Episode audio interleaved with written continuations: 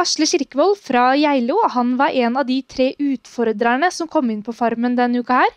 Vi har tatt en liten prat med han om hvordan det var. Å komme inn som utfordrer var eh, Det var i grunnen veldig bra. Og så var jeg så heldig å komme inn sammen med Per Gunvald. Og Per Gunvald og jeg vi hadde en veldig fin setting, så vi bakka hverandre opp. Og vi ble tatt veldig godt imot inne. Ja. De hadde egentlig tenkt å sende oss ut med en gang, men men eh, vi fikk lov til å være litt. Så, og det var Det var veldig godt. Mm. Så nei, vi har bare positivt å si om det. Så bra. Ja, for dette her sendes da på Fredagsmagasinet nå på fredag. Mm. Så jeg kommer til å prate litt sånn at uh, vi er på fredag nå. For det er på søndagen at uh, to av utfordrerne må hjem igjen allerede. Eller i Ja, kamp. I kamp, ja. Ja. En av dem må ut. Ja, nemlig, nemlig. Så det var uh, tøff start allerede. Selv om vi ikke veit hvem som Ja. uh, skal i kamp. Så det. det, det. ble dere kasta ut i det. Ja ja da. Men når uh, var det du var borte på innspilling? Vi var der i eh, Vi reiste inn der i eh, rundt 20. august. Ja. Reiste inn der. ja. Og du driver jo vanligvis Geilo hestesenter. Ja da, så det var jo kjekt at jeg fikk fri fra kjerringa. At du hadde så mange hjelpere her som kunne hjelpe til. Ja, ja, for de gikk rundt her uh, sjøl om du var borte. Ja da, det gjorde det. det, Ja. gjorde det.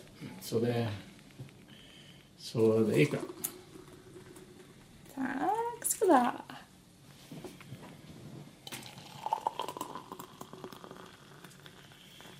Det var en spennende sak å komme av. Det var en fin gård å komme til.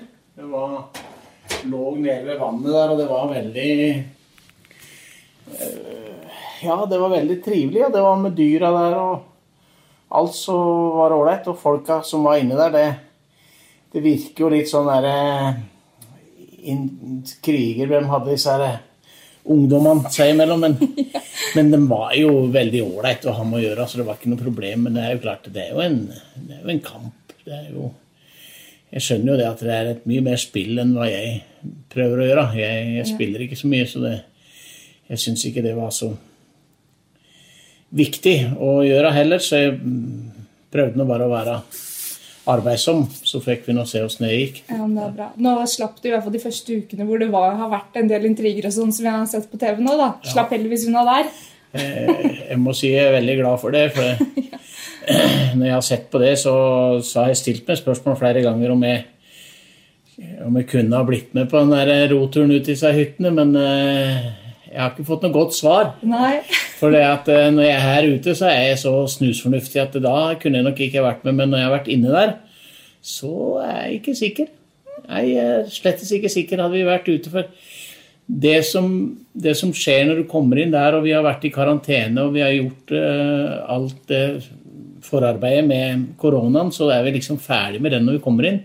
Og der inne kunne vi klemme på hverandre, og vi kunne ta hverandre i hånda. Vi kunne liksom tilbake igjen til den status.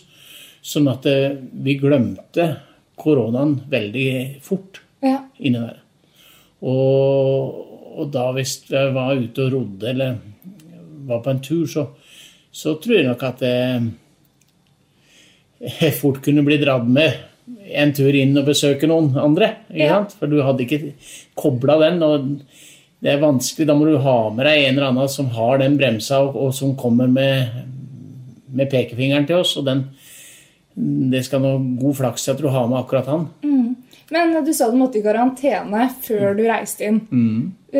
Kunne du ha den karantenen her hjemme, eller Ja. har du sittet på et rom Nei, fra noe sted der borte? Jeg hadde, hadde karantene her, og så hadde jeg karantene i, i vel et døgn nede på Klekken, på hotellet her.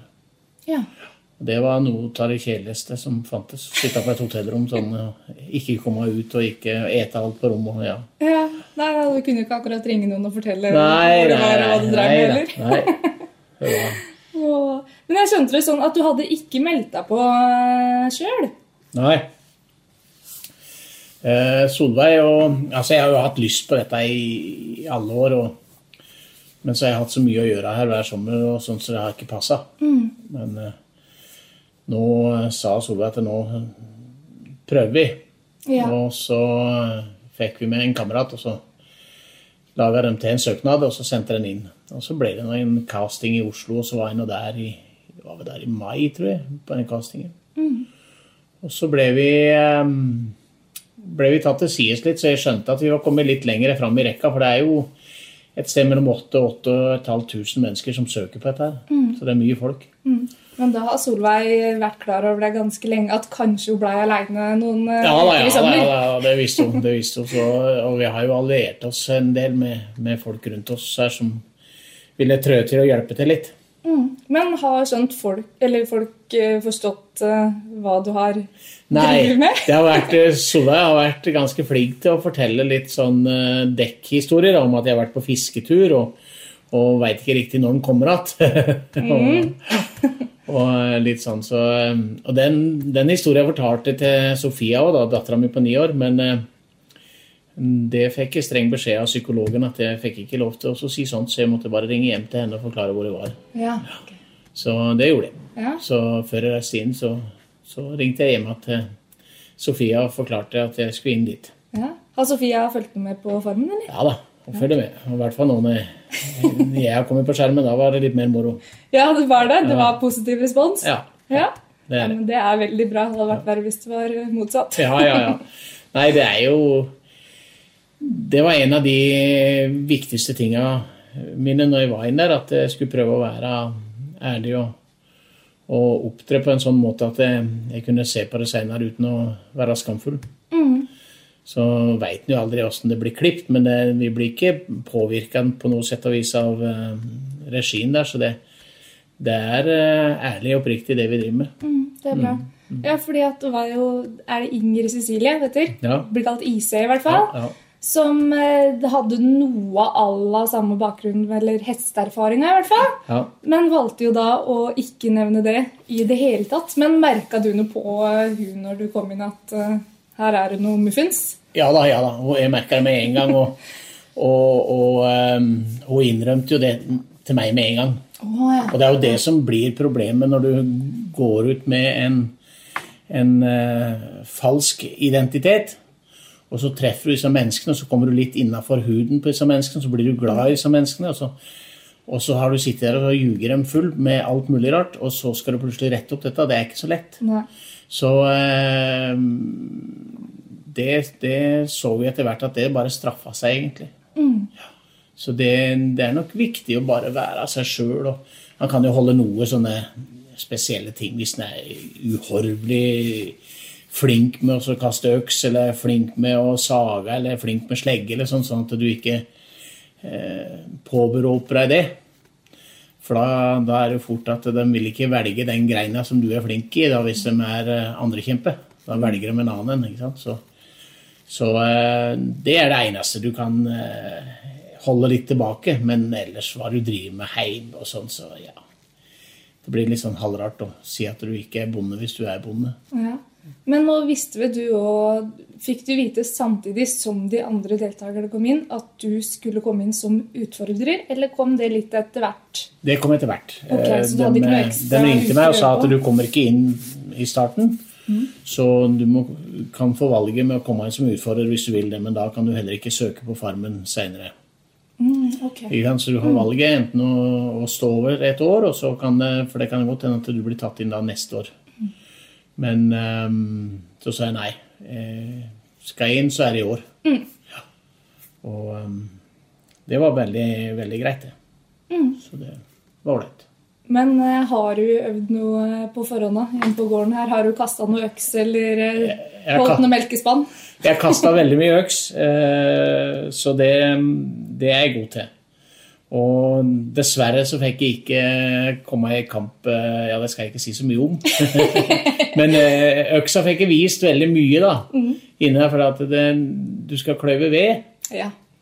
Du skal kløyve ved til eh, tre ovner som skal fyres hver dag. Vi fyrer jo på kjøkkenet, og der all maten skal lages der. Og da må veden kløyves opp i bitte små pinner for å være inni den vedovnen.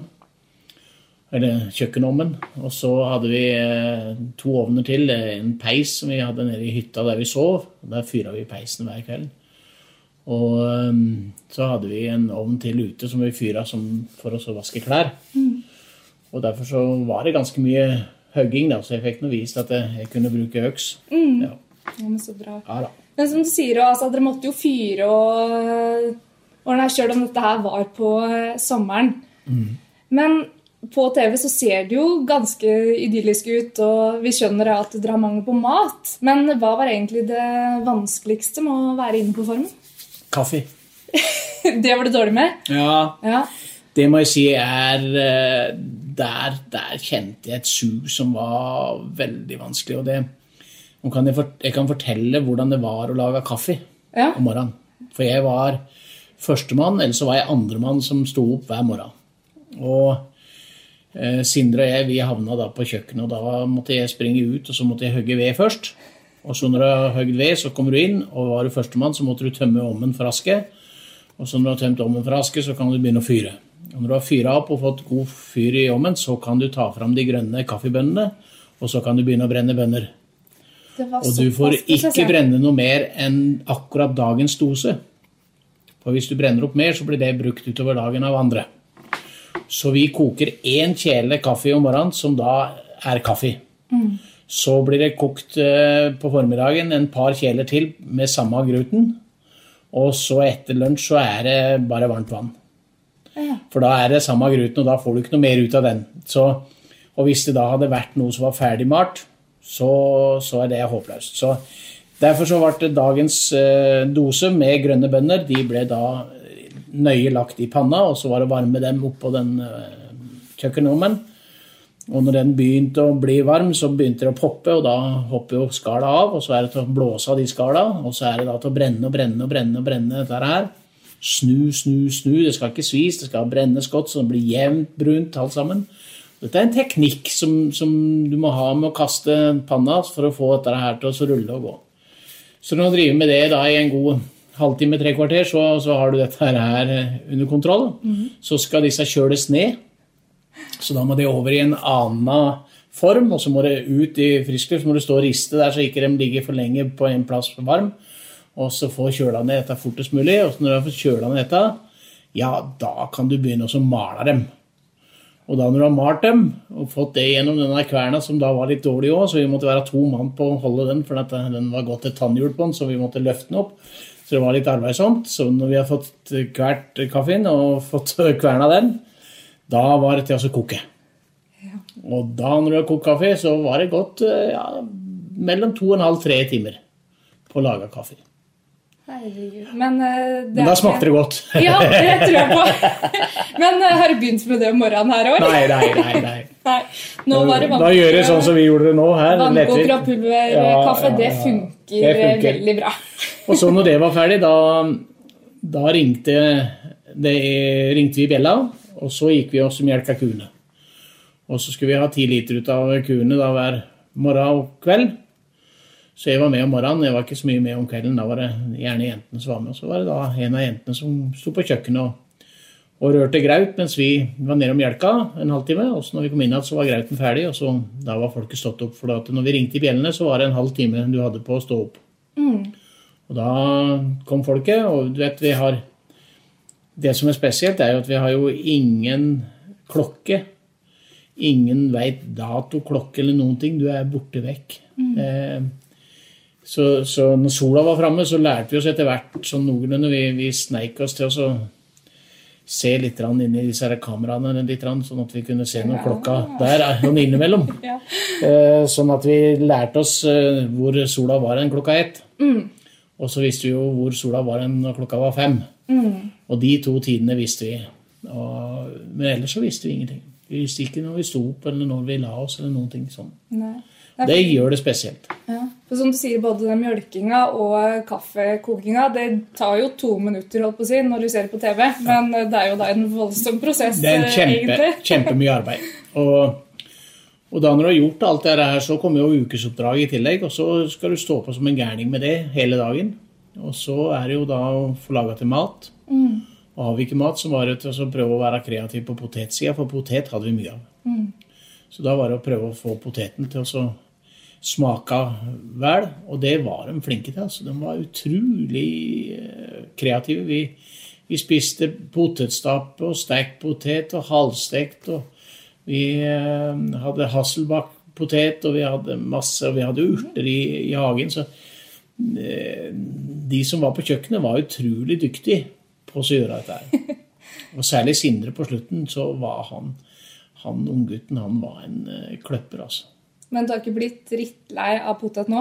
Nei, ikke helt. Ikke helt. Det går bra, det. Det er bra. Det går ikke bare i pasta og ris eller Nei da, nei da. Nei, nei. Nei. nei, men det er bra.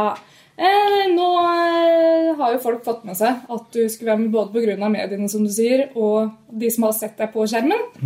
Åssen mm. har responsen vært fra folk du kjenner?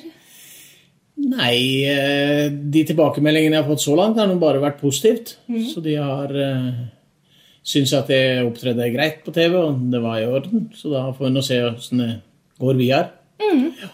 For nå kommer det en ny sending i kveld, og så kommer det, kommer det da Ja, i kveld sier noen Skal ikke si det? Men det kommer nå i hvert fall uh, på søndag natt, og, mm. ja, så da får vi nå se om jeg får være der eller ikke. Ja, nei, men eh, det blir eh, spennende, det, vet du. Eh, og det var jo For to år siden så var jo Jørgen Ringstad fra Dagali med. Ja. Har du noe kjennskap til han? Han ja, da. noen sånne småtips. Er du lurt uten, uten å kunne si at du skulle være med? Nei, jeg, jeg, jeg tenkte lenge på at jeg skulle ringe til Jørgen og så spørre han litt om triks, men så tenkte jeg nei. Jeg stiller helt med åpent sinn, og så får det bare være som det er.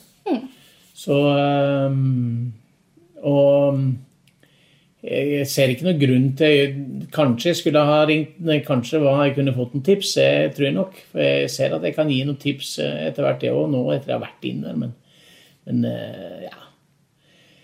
Eh, Jørgen gjorde en god figur der, han òg. Han var uheldig, og det ramla ned i noen saga. Så det var jo mm. Han fikk seg en smell der. Mm. Men ellers så gjorde han en kjempegod figur, han. Ja. ja. Så det var bra. Ja. Det ser ikke ut fordi at hun fra Nordå som eh, var med for noen år siden, hun skada seg også med noe hest der. Men eh, du ser noe frisk og rask ut, i hvert fall, så jeg mm. håper ikke dere har lidd av noe av det samme inne på farmen. Så det blir spennende å se hesten, hesten sprang ut eh, dagen før jeg kom inn, tror jeg. Mm. Enten dagen før mm. eller to dager før. Sånn at de hadde veldig sterkt ønske om at jeg måtte ta og kjøre inn den hesten på nytt. Ja. Så det gjorde jeg, og det så dere litt eh, når jeg kom inn, så, så ble det satt rett i oppgave der til å jobbe med den hesten. Og, og det gjorde jeg, og kjørte den på nytt. Og, og de gjorde jo en veldig dum sak når de kjørte de lange plankene opp på den møkkavogna. Det er jo helt feil vogn å kjøre med. Og, og, de gjorde masse feil der, så de hadde aldri fått gjort det hvis jeg var der. Nei. Nei. Så, eh, og jeg kjørte jo inn veldig mye plank eh, med det bøyledraget, og da fungerte merda veldig bra. Så det gikk veldig fint. Mm. Men de hadde jo ikke så veldig peiling, alle de andre. De, de visste jo ikke hva slags rase denne hesten var, så det var jo Nei, Du hadde en fin kommentar eh, som ble tatt med når du sitter i båten der. Ja. Et eller annet om dagens ungdom. At du ikke helt, eh, var ikke helt eh, fornøyd med eller trodde at de kunne drive en gård. Nei, det, og det, det stemmer nok òg. Arbeidsmoralen og slikt det er jo ikke akkurat sånn som det var i gamle dager. Eh, når jeg var ti år, så fikk jeg ansvaret for å stelle hestene før jeg gikk på skolen. Og når vi hadde geiter på gården her, så måtte jeg gjerne hive meg i siloen og kaste opp en del silo, så far hadde, hadde litt å fòre med. Mm. Så eh, det viser jo at vi, vi fikk ansvar mye tidligere. Nå har jeg jo datter sjøl som blir ti nå i januar, og det, det er klart at det, å pålegge henne et sånt ansvar, det hadde jeg nok aldri gjort. Og det, det ser jo at vi endrer oss, og vi hadde jo ikke fått det til. Nei, Men hun vokser jo opp her. Måte sånn at Det kommer vel litt naturlig? Ja da, sånn det gjør det. det gjør det. Hun blir jo med og må jo gjøre litt, men, eh, men vi er for snille med disse ungene våre i dag. Vi er det. Men, men vi, for det, det, er viktig å ha ansvar. Jeg tror at eh, det at jeg fikk ansvar ganske tidlig, men nå var nok jeg litt sånn veslevoksen og tok imot ansvar ganske tidlig. Så eh, jeg begynte jo å kjøre kanfart når jeg var ti år òg. Mm. Med turister. Jeg kjørte jo hest lenge før den tid òg. Kjørte når jeg var fem år, så kjørte jeg til Geilo og henta mjølkespann. Og, og uh, kjørte mye hest. Så når jeg var ti år, så fikk jeg lov til å kjøre bak far ja. med min egen hest. Og det, det er klart at det, det å ha en tiåring og kjøre kanefart, det var jo ikke så Det er ikke så ofte det, da. Nei, Nei for det syns jeg er litt artig at dere liksom holdt på det. Ja, ja, ja. Når du ser den der vogna gjennom Geilo sentrum her. Det er veldig artig. Ja, jeg har kjørt eh, kanefart i mye over 50 år på Geilo. Så, um, så det har vært um, mye trafikk med det. Og det har vært veldig, veldig moro eh, å fått lov til å gjøre det. Og vi har truffet utrolig mye uh, folk, da. Kjendiser av alle slag.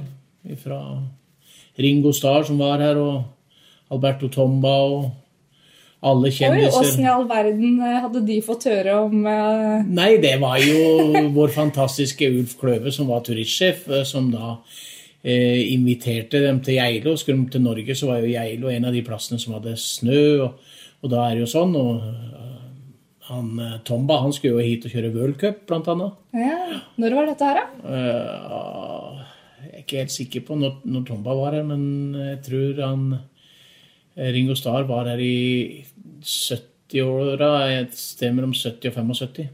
Ja. Og har du noen morsomme historier fra det, eller? Nei, ikke der, men jeg har morsomme historier om han eh, Tomba. Det har jeg. Ja? og vil du fortelle? Ja, det kan jeg gjøre. Ja. Eh, Tomba kom til Geilo og skulle kjøre World Cup, og på fredagskvelden så sitter vi eh, to gutter borte i baren på Vestlia. Og så sier vi at det nå, eh, nå går vi bort, og så inviterer vi Tomba til middag i morgen. ja. Bodde han på Vestlia? Han bodde på Vestlia. Ja. Og så, eh, ja, så var det ei lysere jente der som jobba på hotellet, som hørte hva vi prata om. Så sa jeg har også lyst til å hilse på han Tomba. Ja, men bli med du, da. Ja. Så gikk vi bort og banka på døra på kvelden. Det var ganske tøft, da. Og så kommer Tomba ut, og så sier vi at eh, ja, hvis du vinner World Cup i morgen, så inviterer vi deg på en spesiell middag eh, med lokal mat, og vi kommer og henter deg her med to hester. Og, og da, ja, men det var i orden. Så kom her klokka sju, du, så vil han det. Ja. Og så har jeg ei dame her som gjerne vil prate med deg. Ja, og det var i orden. Hun inn, og det gikk fint. Så neste dag så vinner jo han worldcupen. Og jeg kjører bort med tospannet og står utafor der, og da står jo alle journalister som er i hele Norge, står jo utafor der. Så kommer de bort da og lurer på hva jeg gjør. Nei, jeg venter på Tomba, han skal være med hjem til middag. Åhå, vi må få være med å dekke! Vi må være med og få, få ta noen bilder og sånn. Nei, så jeg, dette er privat, så vi skal på privatfest. Ja, ja, men vi må få ta et bilde. Ja, skal få ta ett bilde. Og da skal jeg ta på Tomba ulveskinnspelsen min og så lua mi, og så kan dere ta et bilde når han står foran med hestene. Og Da skal dere forstørre det skikkelig stort, og så sende det til meg. Ja, Det skal vi gjøre. Og det gjorde de. Og så fikk de lov til å ha Tomba og sette den i avisa. Altså, da var den i avisa når han var der. Men nå må jeg se rundt på eh, veggene dine i stua her. Har du det bildet hengt opp et sted, eller? Nei, jeg har, jeg har det i album nede, så du skal se det etterpå. Jeg får se det. Ja.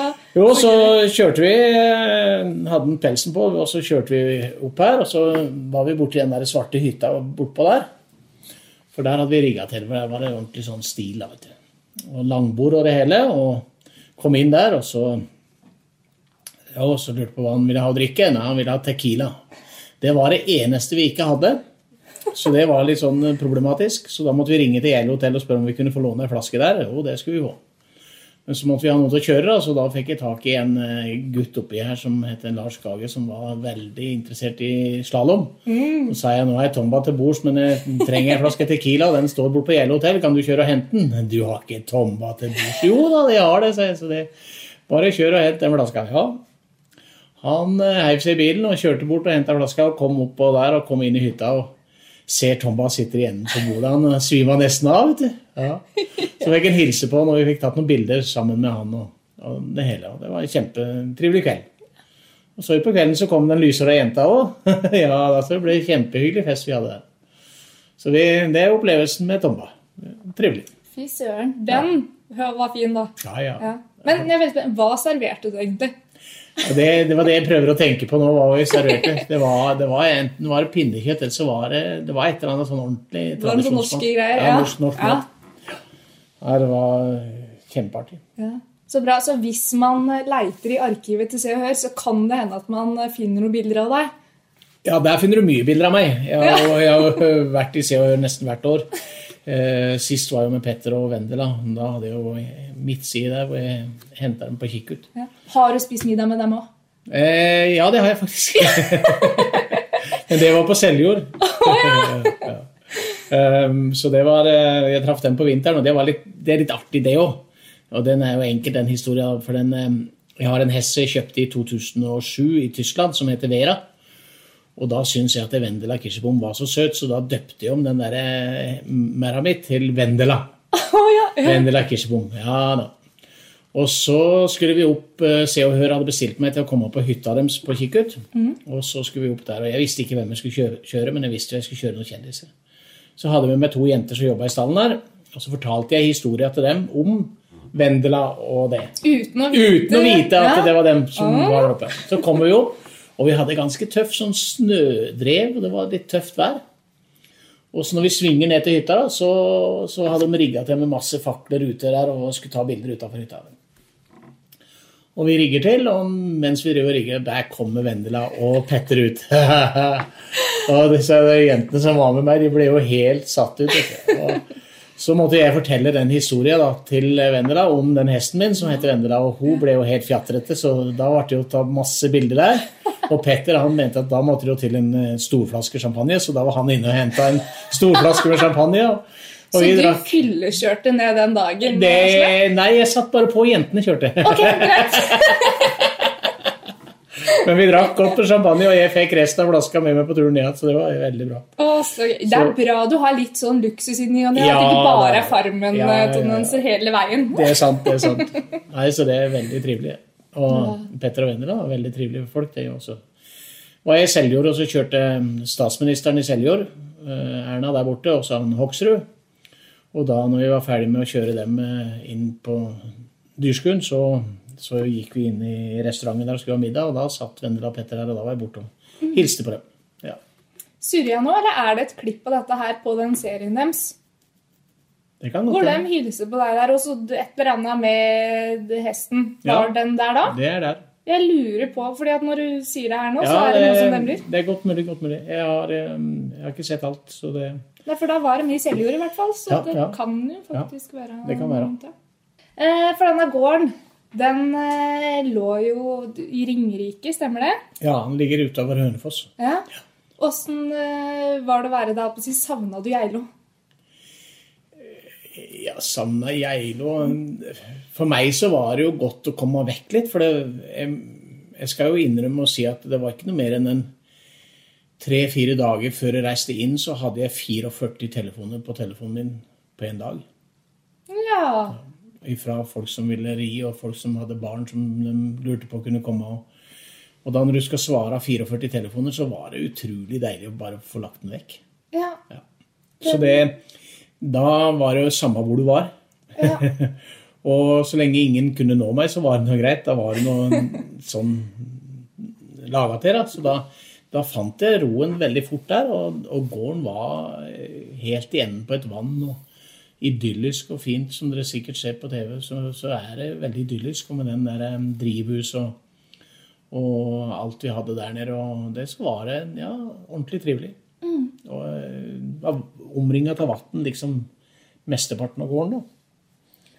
Og det vannet jobba vi jo ganske mye uti, så det vil dere jo se etter hvert. Vi, vi skal jo bygge den derre Katisa der. Mm. fiskeredskapen som den virka jo ikke, men vi bygde den nå i hvert fall. Ja, Jeg så dere sleit med den på Ja, tirsdagen her. Ja, ja, ja. Og det blir vel litt mer enn det, tror jeg. Mm, Ja. Ja. Så, så den eh, det, var, det var spennende. Men vi, problemet var at vi fikk ikke fiske med en gang, fordi at de ble fratatt både årer og garn og alt etter den der turen de hadde vært ute. Så de ble straffa med det, vet du, og det, det fikk vi liv for, vi og litt. Ja, så det var faktisk mer straff enn det vi fikk se på TV. Ja, det var det. det, var det. Men eh, kjente du liksom på sult og sånn når du var der, eller er det litt Ja. overdrevet? Det som overraska meg mest, det var at det, her hjemme så er det sånn derre sjokoladefrik. Altså hvis jeg er i butikken, så er det veldig lett å ta med noe mørk sjokolade. Eller er jeg på bensinstasjonen, så tar jeg med meg et gullbrød eller et eller annet. Og det bestemte meg for at eh, når du har vært der inne nå, så skal du avvenne deg med det. Og jeg har ikke spist sjokolade etter jeg kom hjem. Yes. Og eh, det suget trodde jeg skulle ha med meg inn, men det hadde jeg ikke. Så det, det la seg vekk. Og så, så blir det litt sånn rart. Da. Vi, vi må bare akseptere den maten som er. Ete graut til frokost, graut til lunsj og graut til middag. Så, så laga vi litt mye graut til, til middag. Så kunne vi laga noen fine rundstykker til, til frokost, for da brukte vi resten av grauten og laga rundstykker som vi stekte i ovnen. Og da fikk du litt variasjon. Så hadde vi jo hønene, og så Ja, var, det var nullreist mat. Og nullreist mat som ikke var pakka inn i noe plastikk. Vi produserte ingen søppel.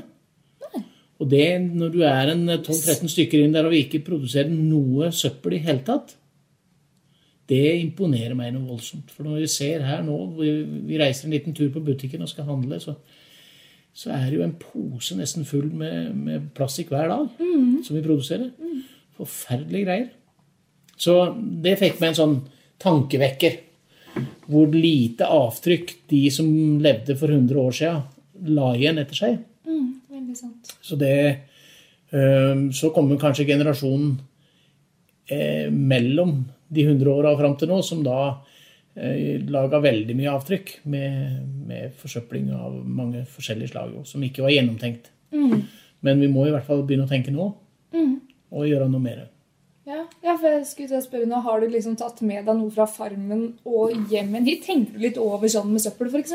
Ja, det gjør jeg. Og jeg vil prøve å gjøre så godt jeg kan med å være flink med det. Um, en helt annen ting er jo det der med mobilbruk. At du kan kanskje bli litt flinkere til å legge inn en hyggelig svar på mobilen. At du nå tar deg fri. Mm. Um, jeg er ikke å treffe før da og da. Og det å skru den av. Og um, det tror jeg er veldig viktig. For flere av oss vi fikk eh, litt sånn spesielle greier inne på farmen som ikke vi opplever andre. Og det er fordi at eh, vi, vi blir kobla vekk fra alt det støy og mas som er med den telefonen. Mm. Og når du da blir kobla vekk fra alt det, så får hjernen tid til å jobbe litt. Mm. Så det var mange som huska drømmene sine som eh, de aldri hadde gjort ellers. Og de drømte mye mer, og hjernen ble mer kreativ. Uh, til å finne løsninger på ting og tang. Du tenkte nytt. Du tenkte sånn som du aldri ville ha hatt tid til å tenke hjemme. Mm. Og så Ja. Det, det, er en del sånne ting som, som gjør meg litt mer bevisst med med det vi driver med. Og jeg, jeg ser jo dattera mi sitter med den iPaden eh, hele tida hvis hun hadde fått sjans. Så vi må jo styre dette her. Og noe må de jo gjøre, for de skal jo lære disse tinga. Men, mm. men, om det er så forbaska smart i lengden, det veit jeg ikke. altså. Jeg tror at det, det er viktig å prøve å finne muligheter for å koble den vekk. Mm. Og ta den fram når du trenger den. Mm. Sånn som du sier jo at eh, du fikk 44 anrop bare på en dag ja. av folk som hadde lyst til å opp hit og se sånn. Ja. For folk tør jo ikke bare møte opp stedet lenger. De må liksom ringe, ringe og avtale. avtale og gjøre alt sånt. Ja. Så det, det, er Det er en sånn tankevekker. Men, men det er klart at vi, telefonen har kommet for å bli. og det, Vi får ikke styrt det, men vi kan se om vi har råd til å skru den av. Mm. Og sørge for at vi får litt egentid. Mm. Og i hvert fall så er det veldig viktig å kutte den ut før du legger deg om kvelden. Ja. Kutte ut denne scrollingen, fordi at mange sov som en stein inne på, på farmen. Og de som har vært der før vi kom inn, de hadde jo vært noen uker. Så vi prata litt med dem, og de sa at det var helt fantastisk deilig. Sjøl med all den snorkinga? ja, ja. Den, den sto jeg mest for, så jeg sov jo òg godt. altså. De andre hørte jo meg. Men eh, men det er klart at eh, de sov mye bedre og mye lengre. Og, ja, og det er viktig, for hvis du fyller hjernen med inntrykk fra scrollingen av alt mulig slag, mm. før du da skal få den til å roe seg ned og så sove, så, eh, så ligger du og mumler på dette her i lang tid, og du, du sovner ikke før midt på natta og får ikke de timene du egentlig skal ha. Nei. Så det, det er litt sånn Ja. så det, vi får se hvordan man kan gjøre noe mer. Men det, det er i hvert fall en tankevekker som uh, flere enn meg registrerte inni der. Mm. Mm. Så bra. En annen ting dere ikke har tilgang til der, det er jo musikk. Hører du mye på musikk sjøl? Ja. Eh, jeg er veldig glad i musikk. Jeg kobler av med, musikk. Og eh, det, det var nok et savn. Og jeg var veldig lei meg for at vi ikke hadde noen som kunne spille gitar, for vi hadde en gitar inne der. Ja. Var ingen som kunne spille gitar. Så eh, nei, vi, vi savna det litt, men det, det er nå ikke så ille. Det var nå ikke så lenge, så det, det var nå så. Ja. så Men siden vi nå er på radio, så må vi jo prøve å rette litt opp i det. Mm. Så var det én sang du eh, tenkte når du var på Farmen at å, den har jeg lyst til å høre. Så skal vi spille den nå. ja. Du er den fineste jeg veit med Hellevillis. Den, eh, den er god. Den er fin. Nei, men da, da spiller vi den. Ja, det er bra. Og så før vi avslutter helt, da, så har jeg hørt noen rykter om at du er veldig god på stev og historie og sånn.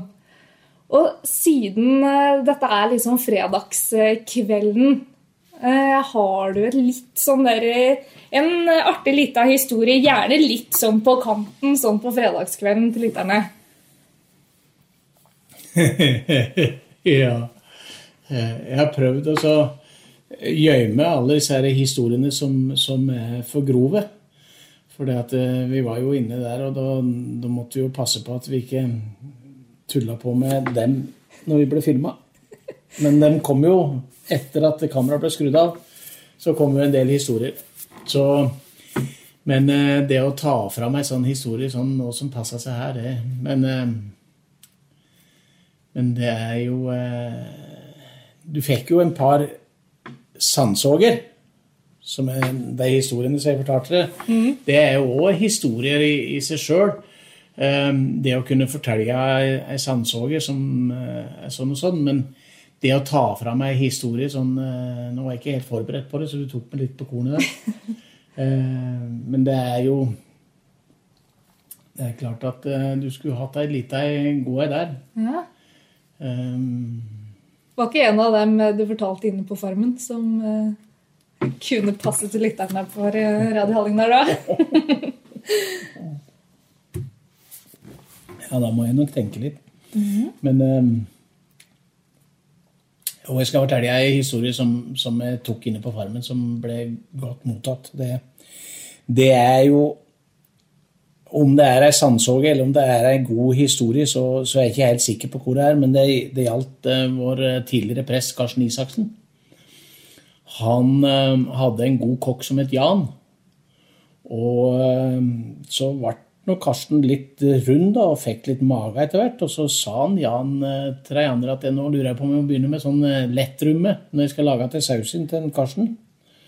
Og så var det noen som hadde sagt dette til Karsten, da, så da ble Karsten litt brydd med det. Så han gikk på kjøkkenet til Jan, og så sa han til Jan at du, Jan, eh, mener du det at jeg har fått litt vel stor mage nå?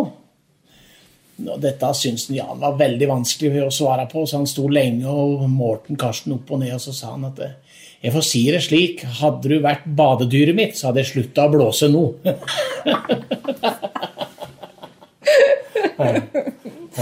Det var fin avslutning på den. ja.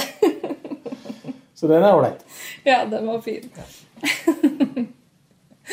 Ja, så Du fortalte litt sånne skrøner fra lokalmiljøet her når du var inne der. Det gjorde jeg, og det er klart. Med, med presten Thor Vi ble jo kjempevenner, og, og uh, han var et fantastisk Eller er et fantastisk fint menneske.